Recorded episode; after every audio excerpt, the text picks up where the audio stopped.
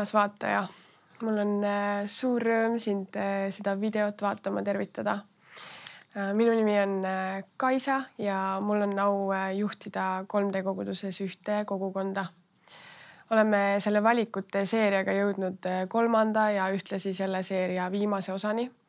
ja enne kui ma jätkan, siis ma julgustan sind panema maha kõik eelarvamused ja avama oma süda selle video sisule oled sa siis kristlane või mitte, vaimulikult heas kohas või mitte. võib-olla klikkisid sa kogemata selle video peale. Äh, ma tõesti usun, et sa võid selle kõne kaudu õppida tundma elavat Jumalat. käesoleva seeria esimeses osas rääkis Maali-Liina äh, väikestest valikutest, mis võivad esmapilgul tunduda tühised, kuid mis äh, võivad meie eludes olla siiski suure kaaluga ja mõjutada seda, kuhu me välja jõuame seejärel rääkis Rando meile suurtest valikutest meie eludes, äh, suure pildi vaatamisest ja selle olulisusest ja rollist meie elude kontekstis. täna tahaksin äh, ma rääkida teemal autoriteet. ma ei tea, mis äh, sinule esimesena meenub, kui sa kuuled sõna autoriteet. ehk mõtled sa valitsusele või riigijuhtidele? võib-olla meenub sulle mõni õpetaja või treener või su vanemad Äh, võib-olla meenub sulle esimesena hoopis Jumal. Eesti õigekeelsussõnaraamat äh, ütleb, et autoriteet on vaimne mõjuvõim ja lugupeetavus või mõjuvõimas isik.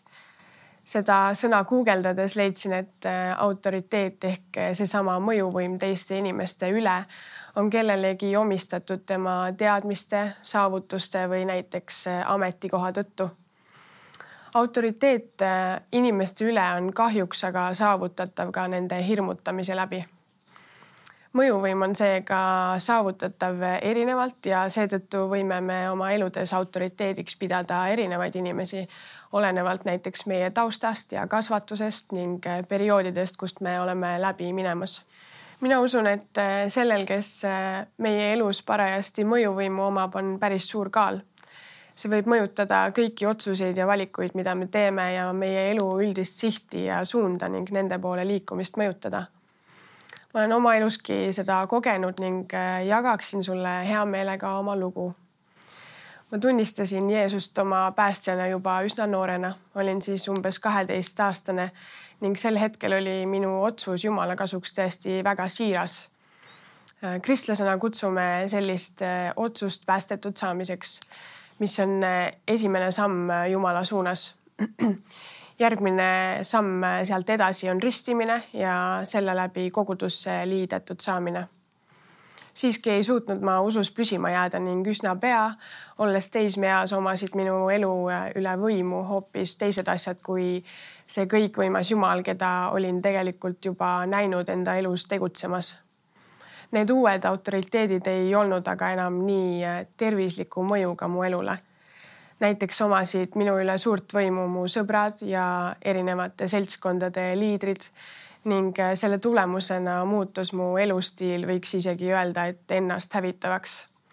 elasin sellist üsna tavalist äh, noore inimese elu ja otsisin seda igatsetud armastuse kogemust erinevatest sõprus- ja lähisuhetest ma usun siiski, et äh, paljust halvast hoidis mind äh, sügavale südamesse peidetud usk, et Jumal on siiski päris ja kuuleb mind ning juhatab mind hoolimata sellest, et mina oma elu talle ei elanud. neli aastat hiljem leidsin end äh, oma senise elu kõige katkisemas seisus. ma vajasin Jumalat rohkem kui kunagi varem, kuid raske oli seda endale tunnistada. ja veel vähem siis kellelegi teisele ma mõtlesin, et äh, mis mu sõbrad sellest arvaksid, kui ma jälle kirikusse läheksin. Enda loo kokkuvõtteks ma võin öelda, et ma istun täna siin äh, ainult sellepärast, et Jumal on hea ja armuline ja et ta ei pea arvestust meie tehtud pattude üle ning on valmis andestama, kui meie oleme valmis tunnistama, et oleme eksinud ma võin julgelt öelda, et äh, ainult Jumal teab, mis on meile parim ja ma tahan sindki julgustada võtma teda enda elu suurimaks autoriteediks. vaid nii pääsesin mina sellest kriisist, äh, milleks ma oma elu ise kujundanud olin, toetudes sellele kõikuvale ja muutuvale maailmale. enne kui me vaatame, mida räägib piibel sel teemal, siis ma tahaksin hetkeks peatuda sellel, millist rolli mängivad erinevad autoriteetsed tekstid tänapäevases ühiskonnas.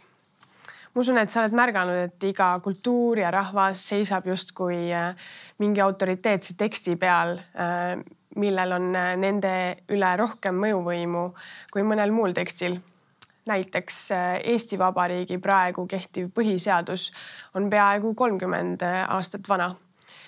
Tänapäeval võib kindlasti ühe autoriteetse tekstina välja tuua ka ÜRO inimõiguste ülddeklaratsiooni, mis võeti vastu veidi enam kui seitsekümmend aastat tagasi. Kristlasena julgen ma väita, et minu elu kõige autoriteetsem tekst on aga piibel ehk Jumala sõna, mis on hoopis mitmeid tuhandeid aastaid vana. Arvatakse, et esimesed äh, piiblitekstid äh, kirjutati vähemalt tuhat kakssada aastat enne Kristust, kuigi suust suhu levisid need lood juba varemgi. ja ma tean, et nüüd sa võid mõelda, et äh, miks peaks kedagi kõnetama miski, mis on nii ammu kirja pandud. küll aga saab Jumala sõna elavaks ka täna siin selles kultuuriruumis ja kontekstis, kui me end sellele avame ja pühal vaimul end selle kaudu kõnetada lubame ka Paulus kirjutab oma teises kirjas Timoteusele nii. Kogu pühakiri on Jumala sisendatud ja kasulik õpetamiseks, noomimiseks, parandamiseks, kasvatamiseks õiguses, et Jumala inimene oleks täiesti varustatud ja valmis igale heale teole. kui me vaatame veel piiblisse, siis eh, eestikeelses piiblis on sedasama mõjuvõimu tihti kirjeldatud ka sõnaga meelevald ma ei tea, mida sina täna usud, kuid äh, mina kristlasena toetun sellele, et äh, Jumal saatis oma täiusliku poja siia maailma, äh, et ta võiks olla meie eeskuju ja veel enam, ta pidi surema, et meie seeläbi saaksime elada ja see on see, millel minu usk võib täna baseeruda. samas ei ole see vaid miski, mida koos minuga üks osa inimkonnast on lihtsalt otsustanud uskuda, vaid justkui valik mille igaüks meist peaks lõpuks langetama. Kas äh, uskuda üles tõusnud Jeesusesse või mitte. kas uskuda ela-, elavat Jumalat või mitte.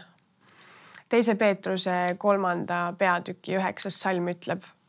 issand ei viivita tõotust täitmast, nii nagu mõned peavad seda viivitamiseks, vaid tema on meie vastu pikameelne, sest ta ei taha, et keegi hukkuks, vaid et kõik jõuaksid meeleparandusele see tähendab, et Jumal ootab ka sind ja sinu isiklikku otsust tema kasuks. Kui Jeesus oli ristil surnud ja kolmandal päeval surnuist üles äratatud, siis eh, enne kui ta isa juurde taevasse tagasi läks, võime piiblist lugeda, kuidas Jeesus annab oma järgijatele käsu teha jüngriteks ehk siis eh, Jeesuse eeskujul elavateks inimesteks kõik rahvad enne seda käsku ütleb ta ka Matteuse evangeeliumi kahekümne kaheksandas peatükis kaheksateistkümnendas salmis nii. Minule on antud kõik meelevald taevas ja maa peal. ja Jeesus ise annab meile väga hea eeskuju Jumala tahte austamiseks. see tuleb selgelt esile tema maa peal elatud elu jooksul ja selles, mida me piiblist võime lugeda Johannese evangeeliumist saame mitmel korral lugeda, kuidas Jeesus ütleb, et ta ei tee midagi iseenesest, vaid isa, kes on minu saatnud, on andnud mulle käsu, mida ma pean ütlema ja mida ma pean rääkima. tänane ühiskond on aga kujunenud selliseks, et kellelegi enese allutamine ja kellegi teise täielik austamine on justkui nõrkuse märk aina enam räägitakse, et ainult iseennast saab tõeliselt usaldada. igaüks peab end eksperdiks igas asjas.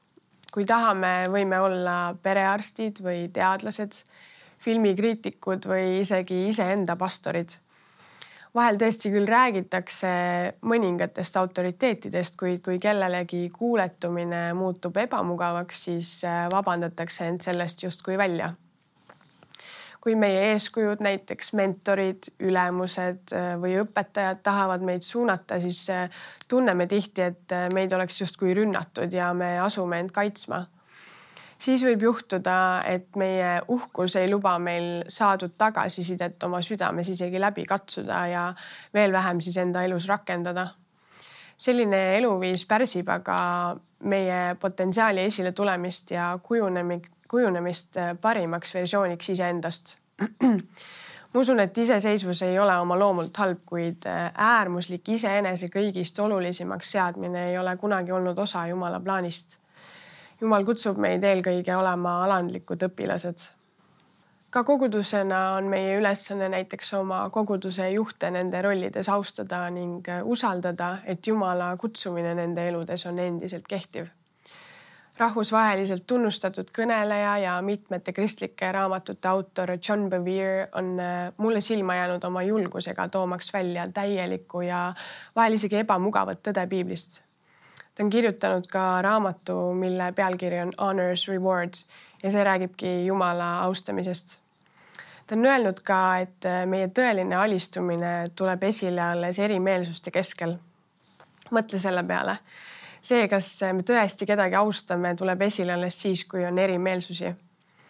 ma usun, et see väide kehtib tegelikult paljudes kontekstides, näiteks äh, koguduse liikmena, koguduse juhte austades, kodanikuna riigijuhte austades äh, abielus oma abikaasat austades ja lapsevanemana oma vanemaid austades.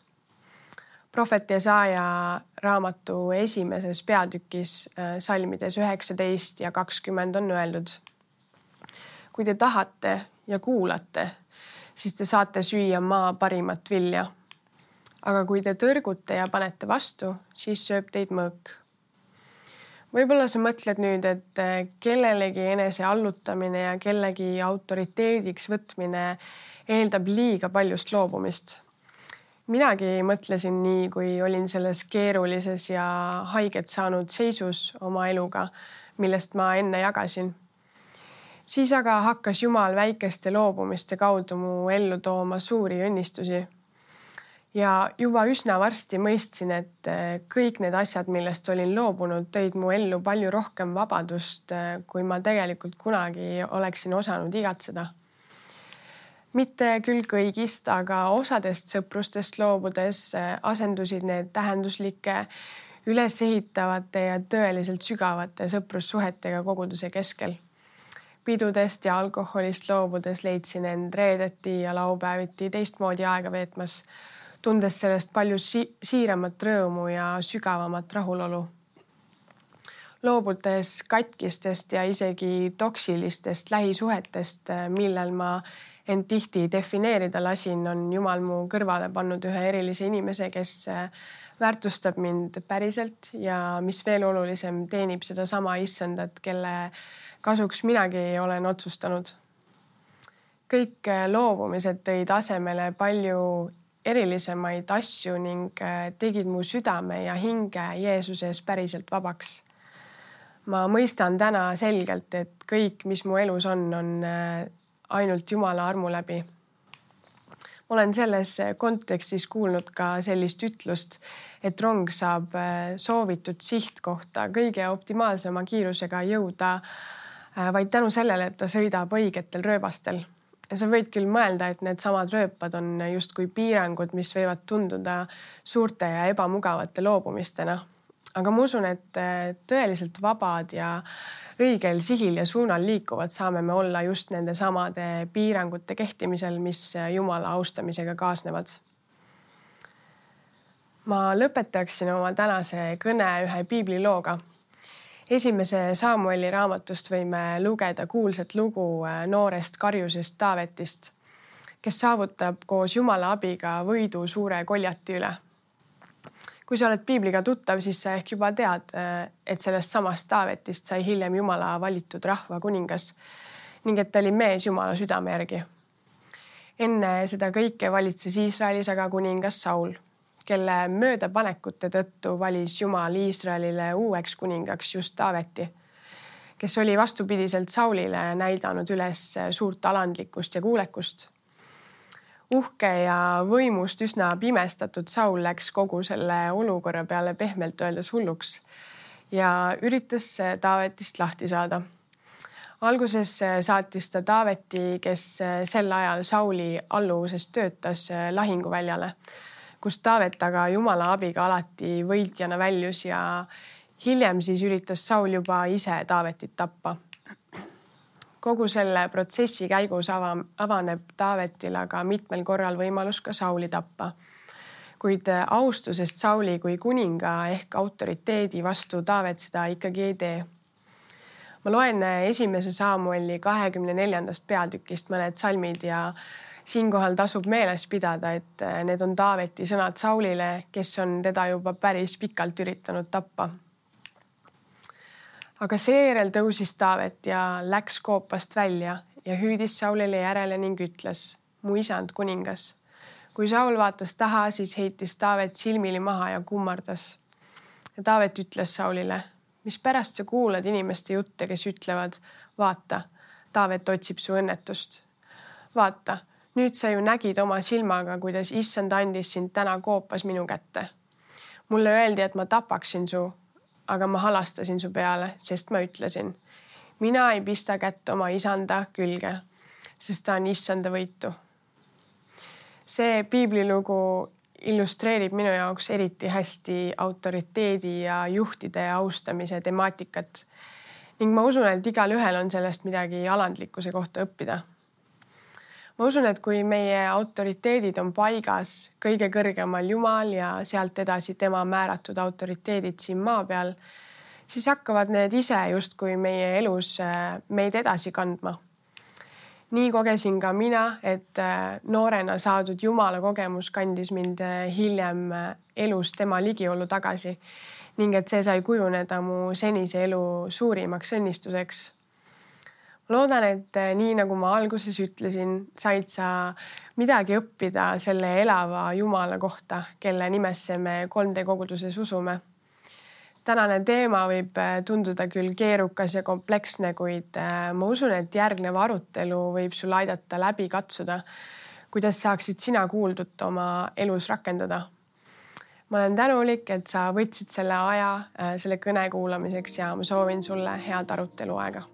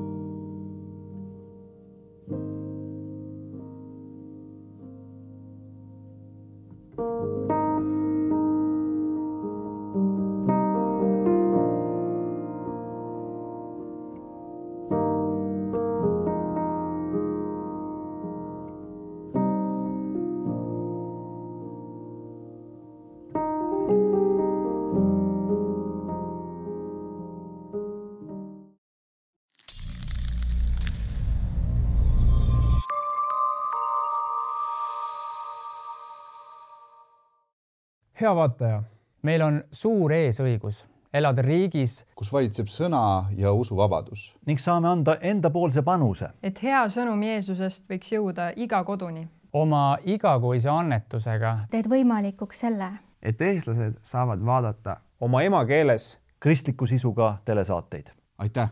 sinu panus on oluline